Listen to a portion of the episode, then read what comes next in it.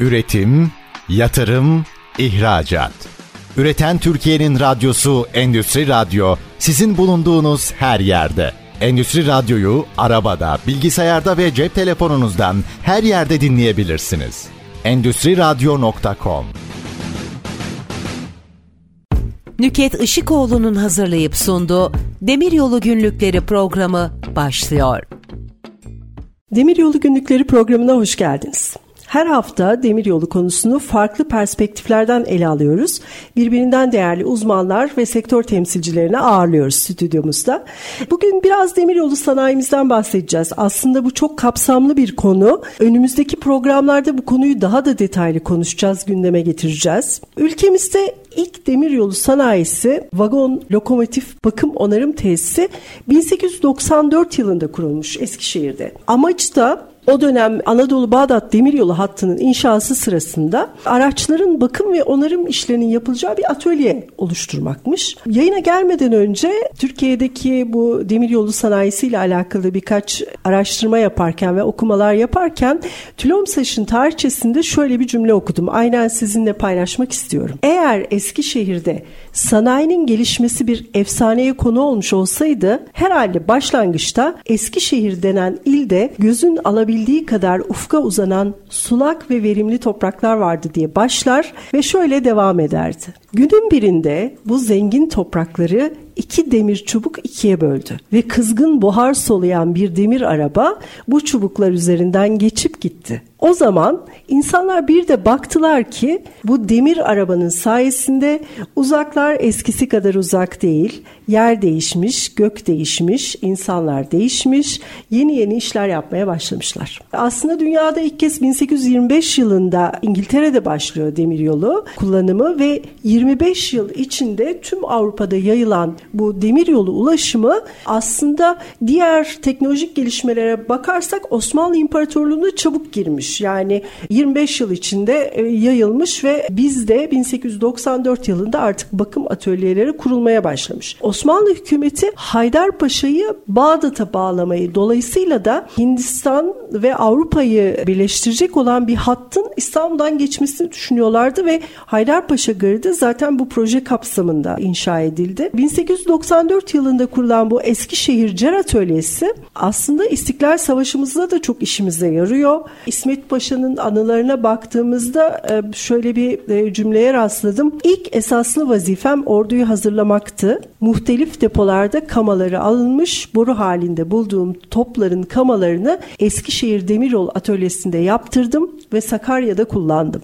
Ulusal Kurtuluş Savaşımızın ardından Atatürk asıl savaş iktisadi savaştır der ve daha sonrasında da demiryolu hamlemiz başlar. Devlete ait bu tesislerde 1958 yılında ilk yerli lokomotif Karakurt yapılır. Daha sonra ilk Türk otomobili Devrim gene bu fabrikalarda üretilir. Eskişehir'den başka Sakarya'da TÜVESAŞ, Sivas'ta TÜDEMSAŞ demiryolu sanayimizin aslında başlangıcını ifade ediyor. Şimdi hepsi e, tek bir çatı altında toplandı. TÜRESAŞ olarak birleşti ve şu anda demiryolu çeken ve çekilen araçların imalatı, bakımı, onarımını yapan bir kuruluş haline geldi. Başta Türkiye Cumhuriyeti Devlet Demir Yolları olmak üzere de hem yurt içinde hem yurt dışında çok çeşitli tipte işte lokomotif, yük vagonu, yol bakım araçları ve bunlara ait alt komponent ile yedek parça ihtiyaçlarını karşılamak üzere çalışmalar yapıyorlar. Diğer taraftan da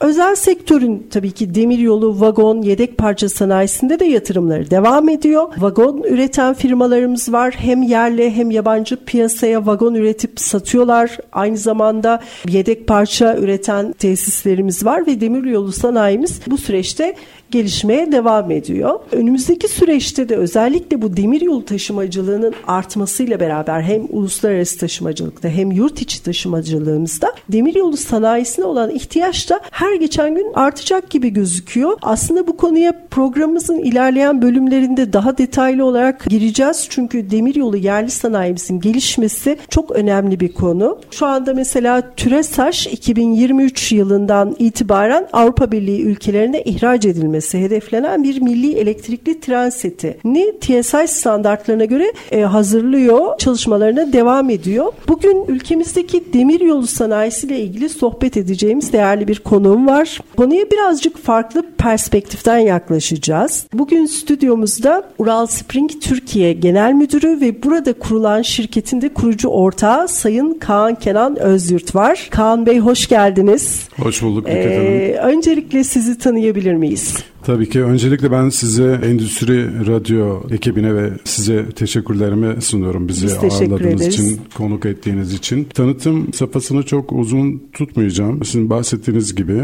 hem dünyanın en büyük, üçüncü büyük fabrikasının Ural Spring'in, Rusya'da kurulmuş olan Ural Spring'in Türkiye temsilcisi ve genel müdürüyüm. Hı hı. Aynı zamanda burada da kurulan şirketin ortağıyım söylediğiniz gibi. Hı hı. Siz birazcık yaptığınız işlerden bahsedebilir misiniz? Demiryolu sanayisine yönelik hangi ürünleri üretiyorsunuz? Ürün portföyünüzde neler var? Evet. Şimdi söylediğim gibi e, biz yani bu abartısız bir şey olacak. Evet, dünyanın üçüncü büyük helezon yay fabrikasının sahipleriyiz. Hı hı. Türkiye piyasasına yaklaşık Mart ayından, Mart 2022 tarihinden itibaren girdik. Ondan öncesinde neden yoktuk? Çünkü ondan öncesinde Rusya-Ukrayna savaşı diye bir şey yoktu. Ve dolayısıyla evet. e, fabrikanın Türkiye'ye bir anlamda sanki de e, çok ihtiyacı yoktu gibi. Çünkü zaten bütün dünyaya mal satıyordu. Özellikle Avrupa'ya. Özellikle e, Avrupa'ya evet, ve dünyanın çeşitli ülkelerine aşağı yukarı 40'a yakın ülkeye ihracat Hı. yapıyoruz. Hı hı. Ürünümüz helezon yağı dedikleri, hı hı. Türkiye'de de dış susta ve iç susta olarak tabir edilen hı hı. helezon yaylardan bahsediyoruz. Bunlar basitçe anlatmak gerekirse vagon yayları diyoruz. Bunlar hı hı. ağır, büyük yaylar. İki tane fabrikamız var bizim. Bir tanesinde parabolik yaylar üretiyoruz. Bir tanesinde de helezon yağı dediğimiz yayları üretiyoruz. Üretimimizin kapasitesi çok büyük tabii. O yüzden dünyanın sayılı hı hı. fabrikalarından biriyiz. Aylık yaklaşık 2000 ton civarında ürün yapıyoruz. Hı hı. Sadece büyük, çok büyük bir ölçek. Evet, büyük bir rakam. Evet. Birazdan zaten Türkiye'deki sektördeki başka firmaların üretimlerinden de bahsedeceğim. Hı hı. Orada da göreceksiniz ki gerçekten çok büyük bir üretim hacmi var. Ve 7-24 çalışan bir fabrika hı hı. burası. Hı hı. Hiç durmuyor. 365 gün üretim yapıyor. Bu da çok büyük bir avantaj. Evet. Dünyaya bu işi temin etmek için.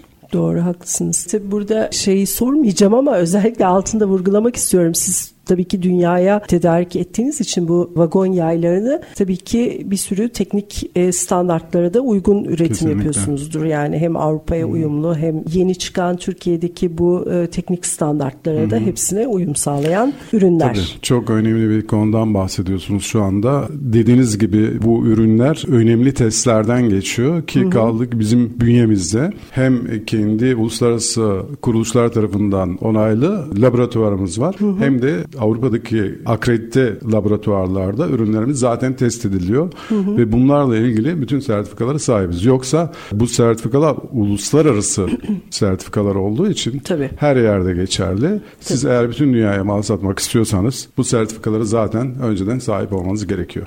Doğru kesinlikle. Peki siz Türkiye'de nasıl bir yapılanma düşünüyorsunuz? Konuşmamın başında bahsettiğim gibi Türkiye'ye biz girdikten sonra ilk aklımızda olan şey burada hemen bir fabrika oluşturmaktı. Çünkü bizim demin söylediğim büyüklüğe ulaşmak kolay olmamıştı. Fabrika hı hı. yaklaşık 15-20 yıl arasında bu seviyeye geldi. Evet. Çok büyük emekler var, çok büyük bir yatırım var. Dolayısıyla bu yatırımın bir savaş yüzünden e, mahvolmaması için biz hemen önceden tedbirlerimizi almak istedik ve Türkiye piyasasına girdikten sonra ilk hedefimiz burada o fabrikanın bir benzerini kurmaya hedefledik. Bu yönde çalışmalar yapıyoruz ama bu fabrikanın kurulması aşamasına dek de burada kesinlikle bir pazar var. Bu pazardan da payımızı Hı. almak için çeşitli çalışmalar yaptık, yapıyoruz. Hı.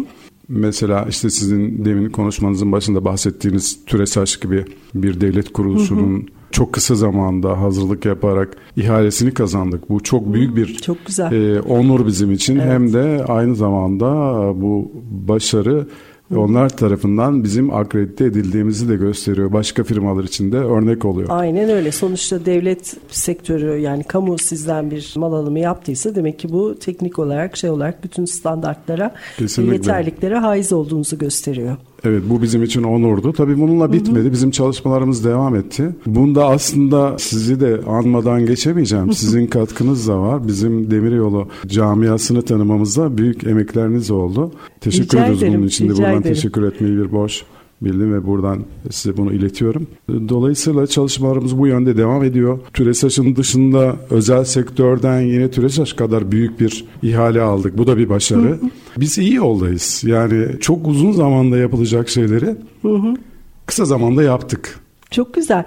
Ya ben az önce de söylediğiniz gibi demir yolu konusunda yapılan her şeye elimden geldiğince destek olmak istiyorum. Çünkü bu benim için işin dışında profesyonelliğin dışında çok önemli bir konu, çok değerli bir konu. O yüzden demiryolu konusunda bir şeyler yapmak isteyen her insana elimden gelen desteği sağlamaya gayret ediyorum. Aslında burada siz Türkiye'deki demiryolu pazarına girmeden önce tabii dışarıdan bir gözlemci olarak ilk önce e, sektörü incelediniz. Hatta biz de zaten o süreçte tanıştık sizinle ve e, demiryolu kuruluşları ile irtibata geçtiniz. Buradaki kuruluşlara ziyaretlerde bulundunuz, görüşmeler yaptınız. Genel gözleminiz ne şekilde gelişti? Yani Türk demiryolu sanayisine baktığımız zaman şu andaki genel böyle durumun bir fotoğrafını bize çekebilir misiniz? Tabii ki yani yine çok iyi bir soru sordunuz. Biz buradaki bu çalışmaları, ihaleleri veya işte özel sektörden aldığımız işleri hemen bir anda olmadı bunlar.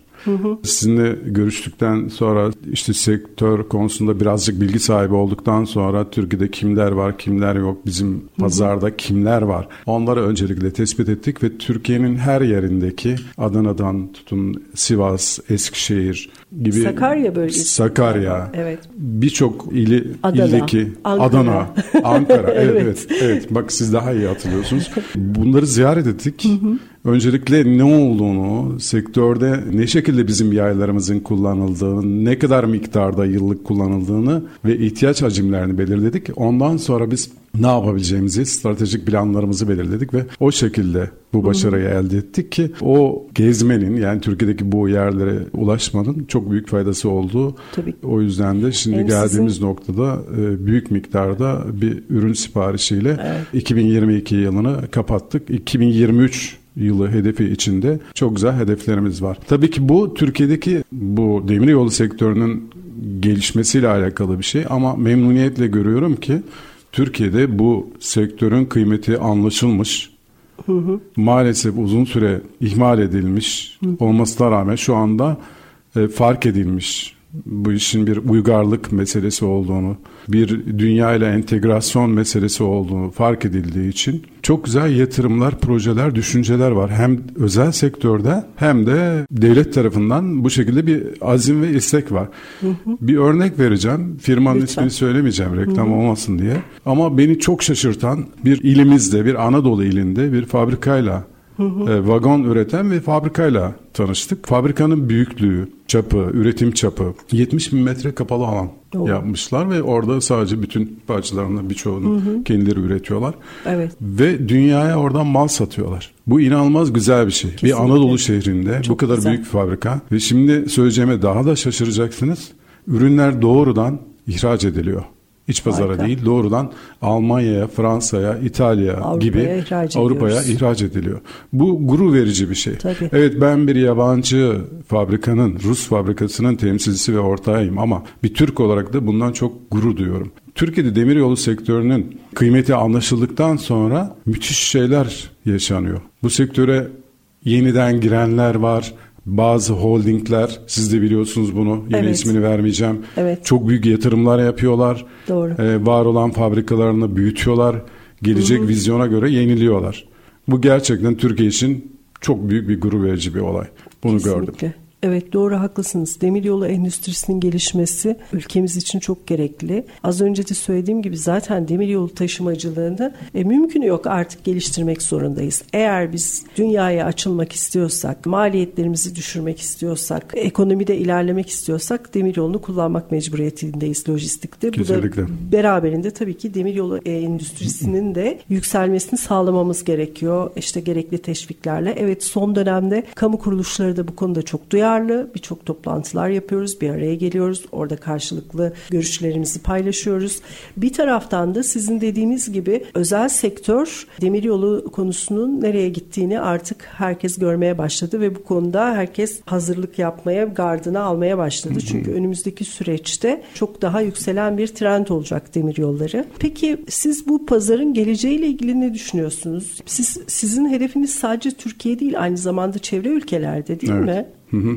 Bunu Aynen, aynen, buradan aynen. bahsedelim mi biraz? Tabii ki biraz Ee, bahsedeceğim yani ama ben siz- Türkiye'yi hemen Evet. bitirmek istemiyorum. Tabii, tabii, Çünkü tabii. Türkiye baktığımız zaman hani ilk ilk girdiğimizde bir kıyaslama yaptık mesela.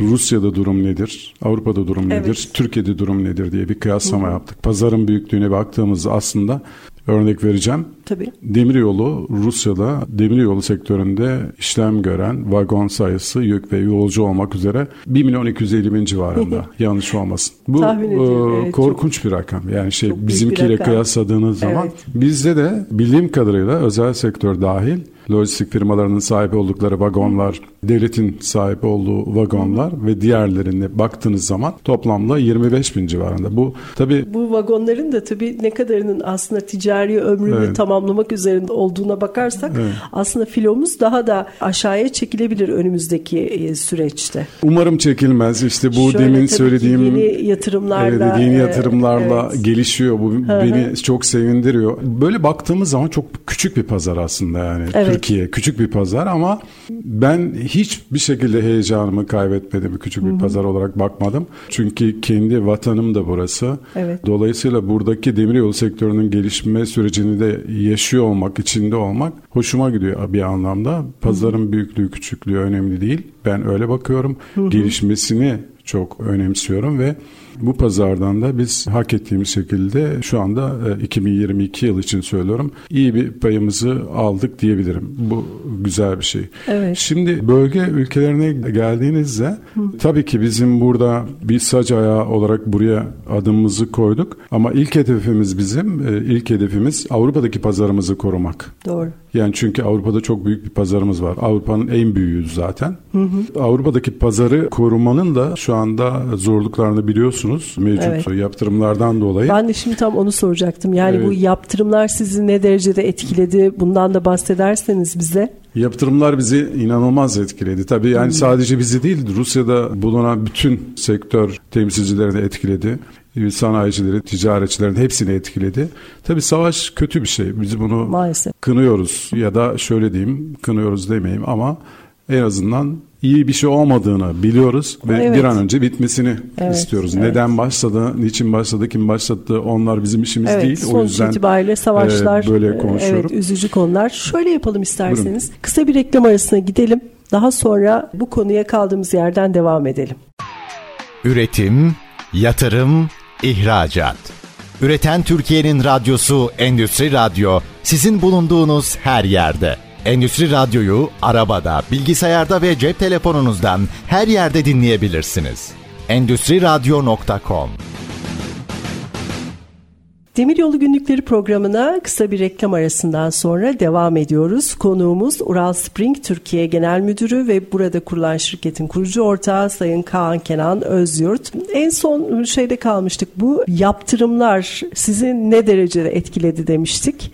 Kaldığımız yerden devam edelim. Buyurun Kaan Bey. Evet tabii ki söylediğimi tekrar etmek istiyorum. Bu savaş kimseye yaramıyor hatta bütün dünyayı Evet. etkiliyor. Dolayısıyla Rusya'daki bütün sektörleri de etkilemiş durumda. O konulara çok girmeyeceğim.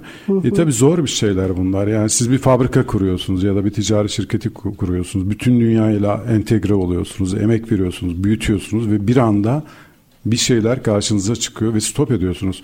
Siz de takdir edersiniz ki ticareti ya da sanayiyi ilgilendirmiyor bu konular savaş. Yani insanları ilgilendirmiyor, halkı ilgilendirmiyor. Tabii Halk ticaret, işine bakmak istiyor, evet, ticaretine bakmak devam istiyor. Şu anda da ticaret devam ediyor tabii ki dünyada. Evet, yaptırımlara rağmen devam ediyor. Veyahut bizim gibi yeni yollar, yeni çareler arıyor firmalar. Evet. Biz de ne yaptık? İşte programın başında belirttiğimiz gibi Türkiye'de bir an önce fabrikamızı kurmak için kolları sıvadık ve Sanayi Bakanlığı dahil herkesle görüşüyoruz. Biz bu yatırımı yapacağımızı söylediğimiz zaman bütün OSB'ler OSB müdürleri Davet ediliyorsunuzdur. davet ediliyoruz. Evet. Israrla buraya gelin, buraya gelin deniyor. Yani bu bu da bize çok memnuniyet veriyor bu konu. Çünkü Türkiye'de biz bir istihdam sağlayacağız ve bir yatırım yapacağız. Tabii bu elbette ki ülkemiz için çok sevindirici bir olay.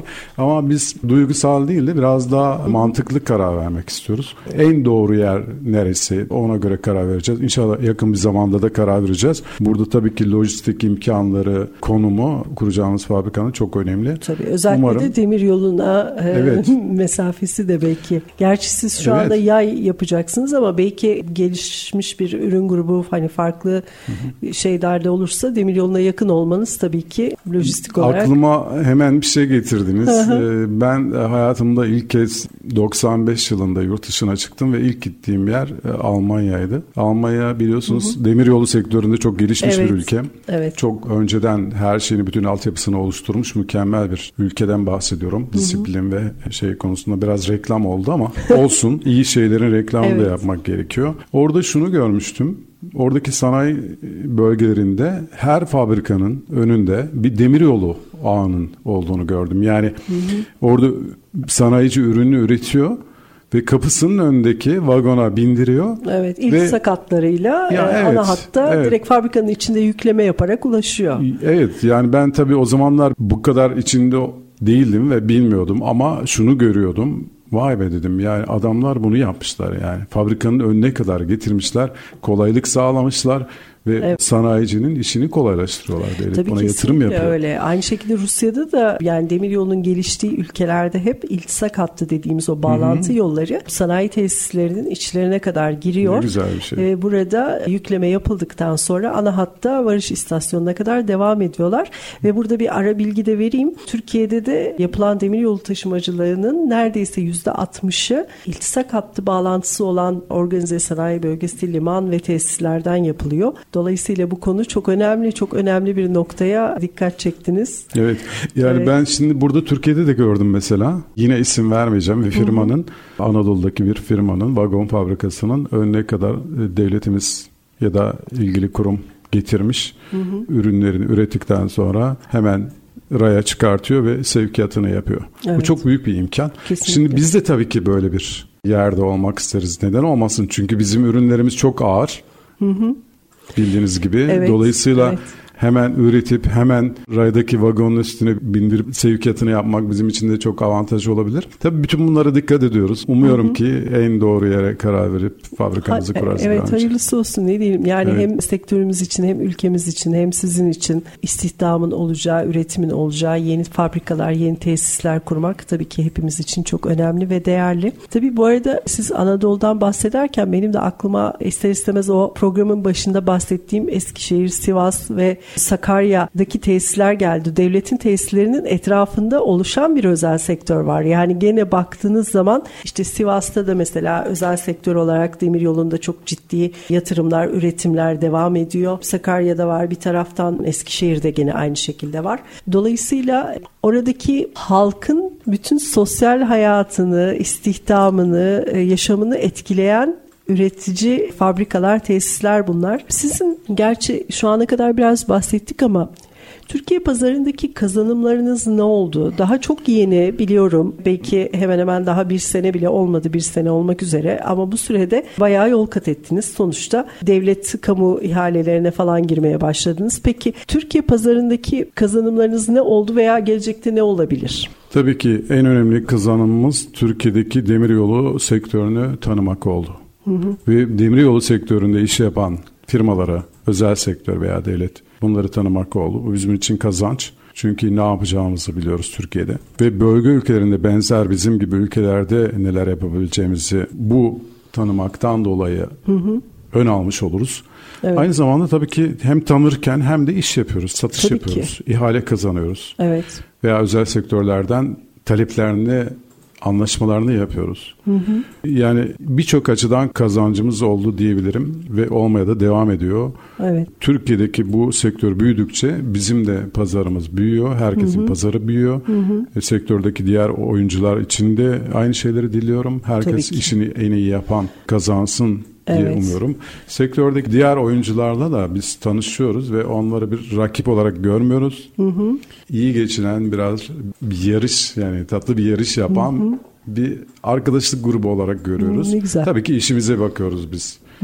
Çünkü bu spesifik bir ürün. Evet. Herkesin üreteceği bir şey değil. Evet. Türkiye'de de dolayısıyla bu konuda bir elin parmaklarını geçmeyecek kadar firma var bu ürünleri yapan. Çünkü Türkiye'de birazcık da ham madde problemi var. Bizim kullandığımız Çelik, çelik e, değil mi? Evet, Evet. çelik ama özel tabii bu alaşımı özel 51 krom vanadyum 4 denilen bir çelik kullanıyoruz vagon yayalarında. Bunu da Türkiye'deki çelik fabrikaları çok az üretiyorlar. Dolayısıyla e, Bir ham madde, ham e, madde tedarik sıkıntısı var. ve işte bekleme süresi de var bunun yanında. Doğru. Dolayısıyla biz e, fabrikamızı buradan buraya kurduktan sonra biz yine ürünlerimizi dışarıdan getirip herhangi bir kesintiye neden olmadan müşterilerimize en kısa zamanda ve teslim tarihinde teslim etmeyi düşünüyoruz. Yani kimseyi mağdur etmeden, onların Evet. üretim bantlarını aksattırmadan bu taahhütlerimizi yerine getirmek Evet istiyoruz. bu tedarik süresi aslında çok önemli. Hani ben de yıllardır demiryolu sektörünün içinde olan birisi olarak hep toplantılarda falan duyuyorum. Özellikle bu sarf malzemeleriyle alakalı evet bu bekleme süreleri, sipariş süreleri, teslim süreleri oluyor. Burada sizin tedariğinizi çok hızlı yapabilecek duruma gelmeniz yani burada fabrik oluşturmanız belki bir depo olarak yapılanmanız ihtiyaç anında da direkt müşteriye ulaşabileceğiniz anlamına geliyor. Bu da tabii Kesinlikle. çok önemli bir konu. Dediğiniz gibi bu spesifik bir ürün. Her yerde bulacağınız, her an temin edebileceğiniz bir şey değil. Dolayısıyla pazarında yararlı olacaktır diye düşünüyorum. Kaan Bey, Rusya çok büyük bir coğrafya. Ural Spring Rusya'nın neresinde?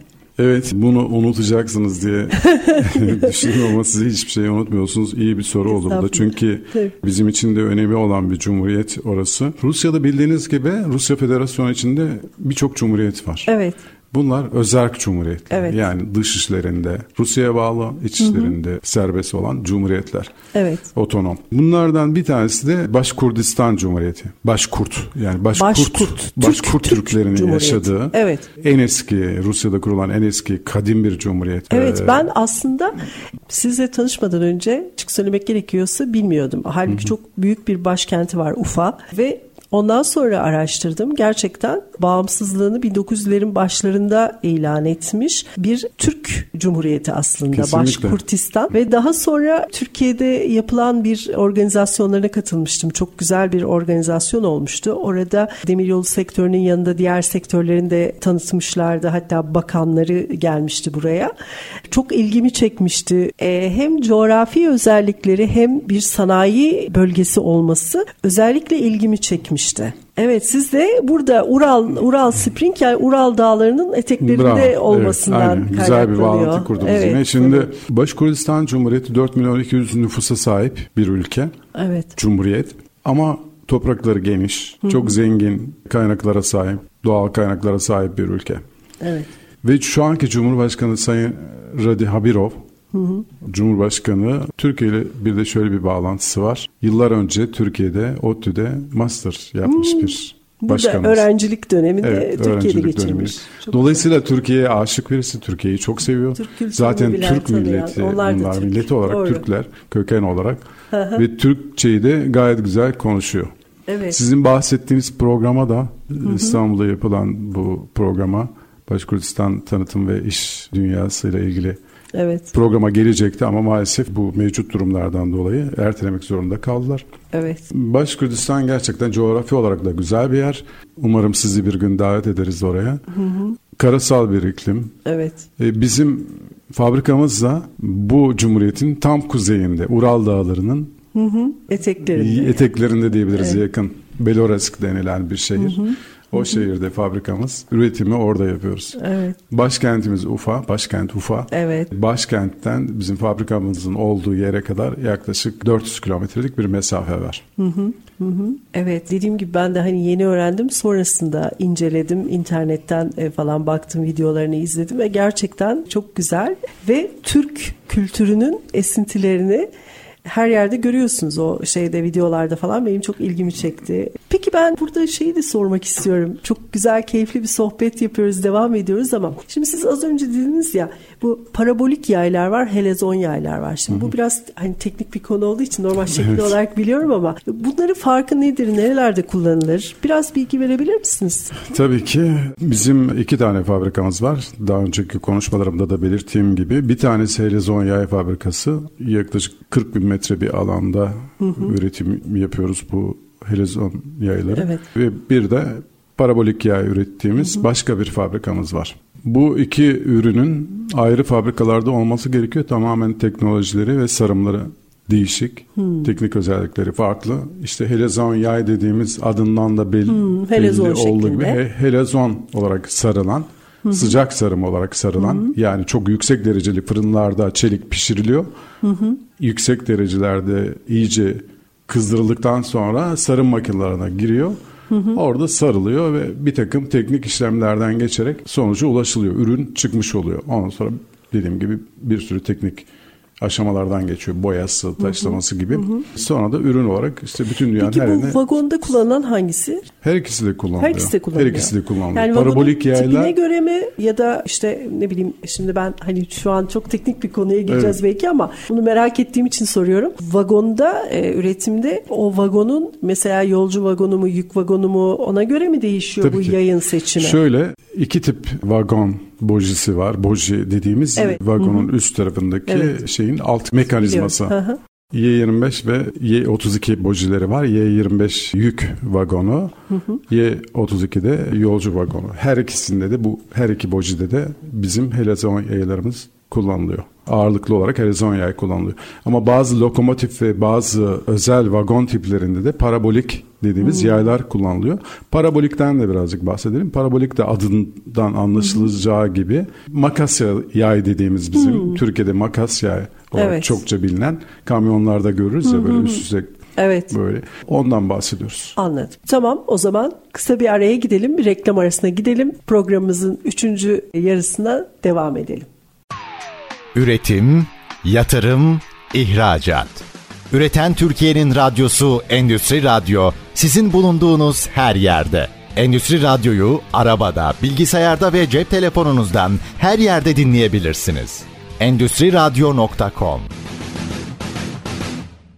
Demiryolu Günlükleri programımızın 3. bölümünde tekrar beraberiz. Keyifli sohbetimize devam ediyoruz. Konuğumuz Ural Spring firmasının Türkiye Genel Müdürü Kaan Bey. Kaan Bey şunu sormak istiyorum. Az önce bahsettik ya bu aslında Türkiye Demiryolu pazarına baktığımız zaman Türkiye Cumhuriyeti Devlet Demiryolları var, taşımacılık AŞ ve özel sektör var ve bunların elindeki vagonların hepsini toplasak 25 bin civarında aslında bizim bir vagon filomuz var şu anda hali hazırda. Tabii ki üretimler yapılıyor fabrikalarımızda özel sektör olsun, kamu olsun e, vagon üretimleri devam ediyor. Ama mesela bunu bir dünya pazarı, dünya ölçeğiyle kıyasladığımızda aslında çok büyük bir pazarımız yok demiryolu olarak. Şu anda daha bir bebek bir sektör yani yavaş yavaş gelişen ve önümüzdeki süreçte artan bir sektör. Şimdi e, bu açıdan baktığımızda benim aklıma şu geliyor. Sizin bu ürettiğiniz yaylar yeni vagon üretiminde mi kullanılıyor yoksa hali hazırda şu an çalışmakta olan vagonların da hani belli bir şeyden sonra o yay sistemlerinin değişmesi falan yani ne kadar gidiyor? Onları da yapıyor musunuz yoksa bu sadece sıfır üretime mi veriyorsunuz? Bu konu hakkında da bir bilgi almak istiyorum sizden mümkün olursa. Her ikisinde de her iki şekilde de kullanılıyor bu yaylar. Hem tamir vagon tamir firmaları kullanıyor bu ürünleri. Bakım zamanlarında, değişim zamanlarında kullanılıyor bu ürünleri. Hem de aynı zamanda yeni üretim yapan vagon fabrikaları özel ya da devlet olmak üzere. Türesaç da bir vagon üreticisi Tabii. biliyorsunuz. Aynı zamanda üretiyor ve e, ihraç da yapıyor. Aynı zamanda özel sektörde üretip ve ihraç yapıyor. Dolayısıyla bunlar yeni bir vagon yaparken tabii ki bu ürünleri alıp kullanmak zorunda. Tabii. Onlarsız vagon üretimi olmuyor. Olmaz. Boju üretimi olmuyor. Bunlar da üç tip kullanılan bu yay modelleri. Türkiye'de dış susta, iç susta ve yan yastık sustası olarak tabir ediliyor. Evet. Bunlardan en çok değişim yapan vagon tamir firmalarında en çok değiştirilen yan yastık, yan yastık sustaları, sustaları evet. dediğimiz sustalar yüksek adetlerde tüketiliyor hı hı. ve talepleri oluyor. Dış ve iç susta ise birazcık daha farklı. Hı hı. Ömürleri biraz daha uzun. Hı. Büyüklükleri, çapları çok farklı. Üretim şekilleri daha farklı. Evet. Sertleştirilmesi ve hı hı. çapından dolayı, büyüklüğünden dolayı aynı zamanda uzun zaman sonra değiştiriliyor. Bunun ortalama sanırım Türkiye'de 5 yıl hmm. gibi Evet olabilir. Bizim evet. biraz altyapıdan kaynaklı Hı-hı. bir takım sıkıntılar sebebiyle bazı demiryolu araçları daha çabuk yıpranabiliyor. Hı-hı. Daha çabuk bakıma girmeleri gerekebiliyor. Dolayısıyla mutlaka yaylar da aynı şekilde bundan etkileniyordur diye düşünüyorum. Bu tabii ki çok teknik sorular sormayayım size. Aslında şey de düşünüyorum bir taraftan. Şimdi siz sektöre çok yeni girdiniz. Daha aslında hemen hemen bir yıldır Türkiye pazarındasınız. Böyle sektörü gezerken Türkiye'deki piyasaya bakarken böyle ilginç, sizi şaşırtan bir şeyle karşılaştınız mı? Bize anlatmak istediğiniz böyle bir anekdot, ilginizi çeken bir konu oldu mu? Yani tabii ki bu çok uzun süre değil. Bu kısa süre ama tabii sektöre girdikten sonra anekdot olarak anlatabileceğim ve beni çok gururlandıran şeyler gördüm. Onları paylaşmak istiyorum. Hı hı. Bir tanesi yine devletimizin kurumu olan TÜRESAŞ'ın. TÜRESAŞ Sivas Bölge Müdürlüğü'nün hı hı. yönetim binasında gördüğüm bir yazıdan bahsetmek istiyorum. Hı hı. Ee, Büyük Önder Atatürk'ümüzün bir söyleminden bahsetmek istiyorum. Demir yolu toptan, tüfekten daha mühim bir silahtır diye bir şey okumuştum. Bu, bu çok biraz tüylerimi diken diken etmişti. Çünkü Türkiye'deki hı hı. demiryolu sektörünün ne kadar zayıf olduğunu görüp de Atatürk'ün bu yönlendirmesinde niye bu kadar gerideyiz diye birazcık üzülmüştüm o an. Hı hı. Ama o çok önemli bir yazıydı. Benim Kesinlikle. için böyle yüreğimi işledi. Evet. Ee, inşallah bizim ülkemizde çok yakın bir zamanda hak ettiği demir yolu sektöründeki hak ettiği yeri alır diye umuyorum. İkinci bir konuda Türkiye'deki birçok ile gidiyorum tabii sektörle ilgili hem tanımak, onları tanımak hem de ürünlerimizi, fabrikamızı tanıtıp satış yapmak için. Tabii orada da gurur verici şeyler yaşıyorum sektörle alakalı ve Türk sanayisiyle ilgili. Hı hı. Türk sanayisinde birçok alanda başarılar var bunu biliyorum. Çünkü ben uzun yıllardır ticaretin içindeyim ve hı hı. biliyorum. Ama vagon sanayisi Türkiye'de çok zayıf olduğunu düşünmeme rağmen çok büyük firmalar gördüm. Evet. Çok muhteşem fabrikalar Yatırımlar gördüm. Yapan. Muhteşem evet. yatırımlar yapmışlar ve bu insanlar başarılı bir şekilde firmalarını, fabrikalarını oluşturmuşlar. Bütün Avrupa ile entegre olmuşlar. Kendilerini tanıtmışlar ve satışlar yapıyorlar. Çok güzel. Bu gurur verici bir şey. Tabii ki bu durum bizim göğsümüzü Bunun çoğalmasını kabartıyor. istiyoruz. Evet. Çoğalmasını ve gelişmesini istiyoruz. İnşallah. Bir an önce Türkiye'nin hak ettiği yere gelmesine hep birlikte katkı sağ- sağlamayı umut ediyorum. Birlikte inşallah güzel bir yere getireceğiz demiryolu sektörümüzü. Kaan Bey sizce demiryolu sektörü neden önemli? Demiryolu sektörü tabii ki dünya için çok önemli bir şey.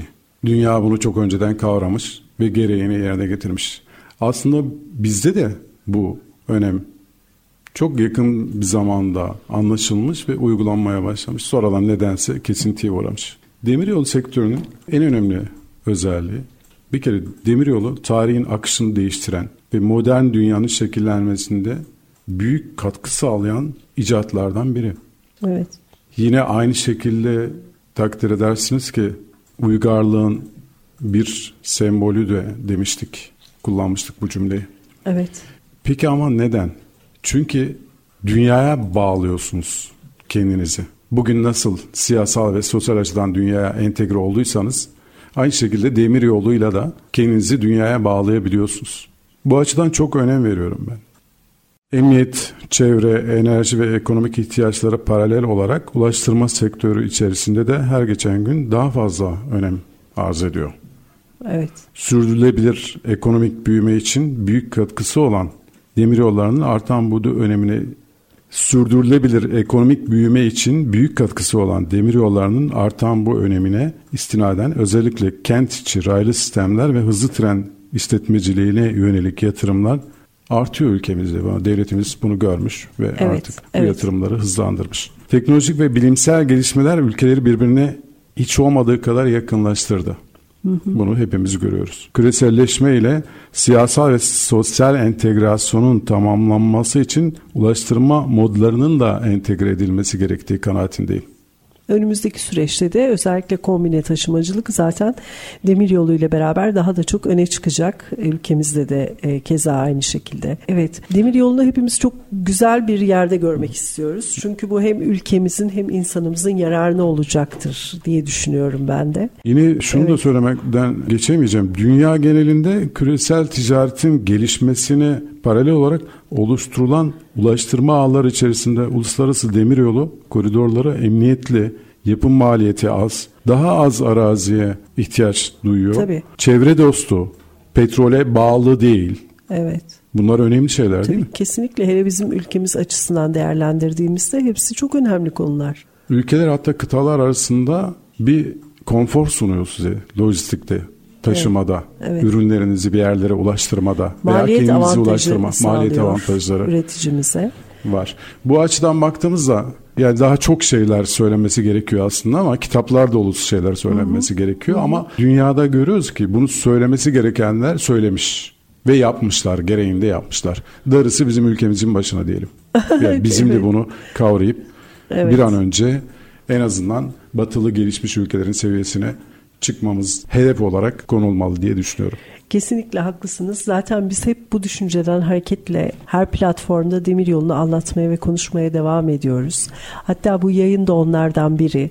Her fırsatta bir kişide bile farkındalık yaratsak bu konuda bizim için çok önemli. Gerek karar vericilerde, gerek sektör içindeki oyuncularda, gerek normal bir sektörün dışında herhangi bir vatandaşımızda bile demiryolu taşımacılığının önemiyle alakalı bir farkındalık yaratmak bizim için çok değerli. Ülkemizde demiryolu sektörünün gelişimi için taşımacılıktan endüstriye, eğitimden argeye, yan sanayiden bakım onarım hizmetlerine, müşavirliğe, altyapı inşaatlarından sertifikasyona kadar yani tüm alanlarda özel sektörü ne kadar çok işin içine sokabilirsek ben e, bu sektörün o kadar çok gelişeceğine inanıyorum.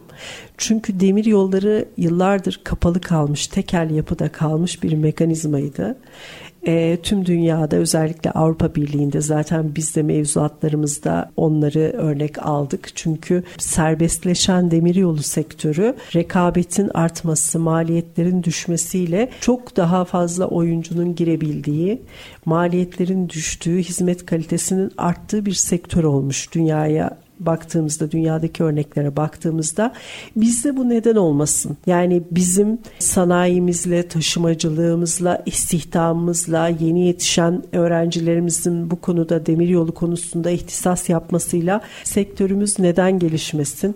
Bu sektörün önü açık. İnşallah hepimiz buna omuz vereceğiz, Katkıda el vereceğiz. Evet. Bir şekilde demiryolunu ülkemizin stratejik yatırım konularına, trend konularına taşıyacağız. Elimizden gelen gayreti de göstereceğiz. Ben çok teşekkür ediyorum. Bugün bizi kırmadınız, geldiniz. Stüdyomuzda değerli fikirlerinizi, görüşlerinizi, yaptığınız çalışmaları bize anlattınız. Çok teşekkür ediyoruz size Kaan Bey. Ben teşekkür ederim bizi ağırladığınız için. Çok teşekkür ederim. Demiryolu Günlükleri programımızın bu haftaki bölümünün sonuna geldik. Önümüzdeki hafta yeni konuklarımız ve konularımızla demir yolunu konuşmaya devam edeceğiz. Hoşçakalın.